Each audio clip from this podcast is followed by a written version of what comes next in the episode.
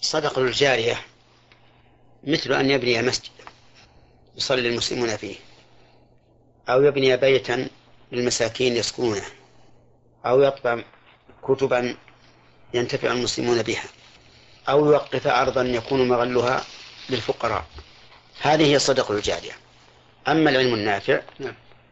فأن يعلم الناس مما علمه الله سواء كان تعليما عاما كالذي يكون في المساجد على عامة الناس أو تعليما خاصا للطلبة فإن هذا العلم إذا انتفع الناس به بعد موته جرى له أجره بعد الموت.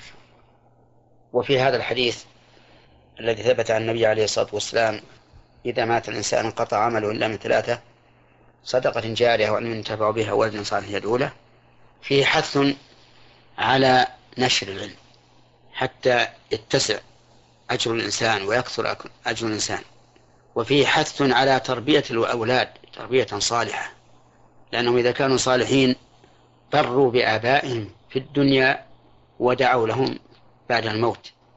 وفيه أيضا إشارة إلى أن الدعاء للميت أفضل من العبادة. يعني أفضل من أن يهدي الإنسان له عبادة. فلو قال شخص أيما أفضل أن أدعو لأبي الميت أو أتصدق له قلنا الأفضل أن تدعو له.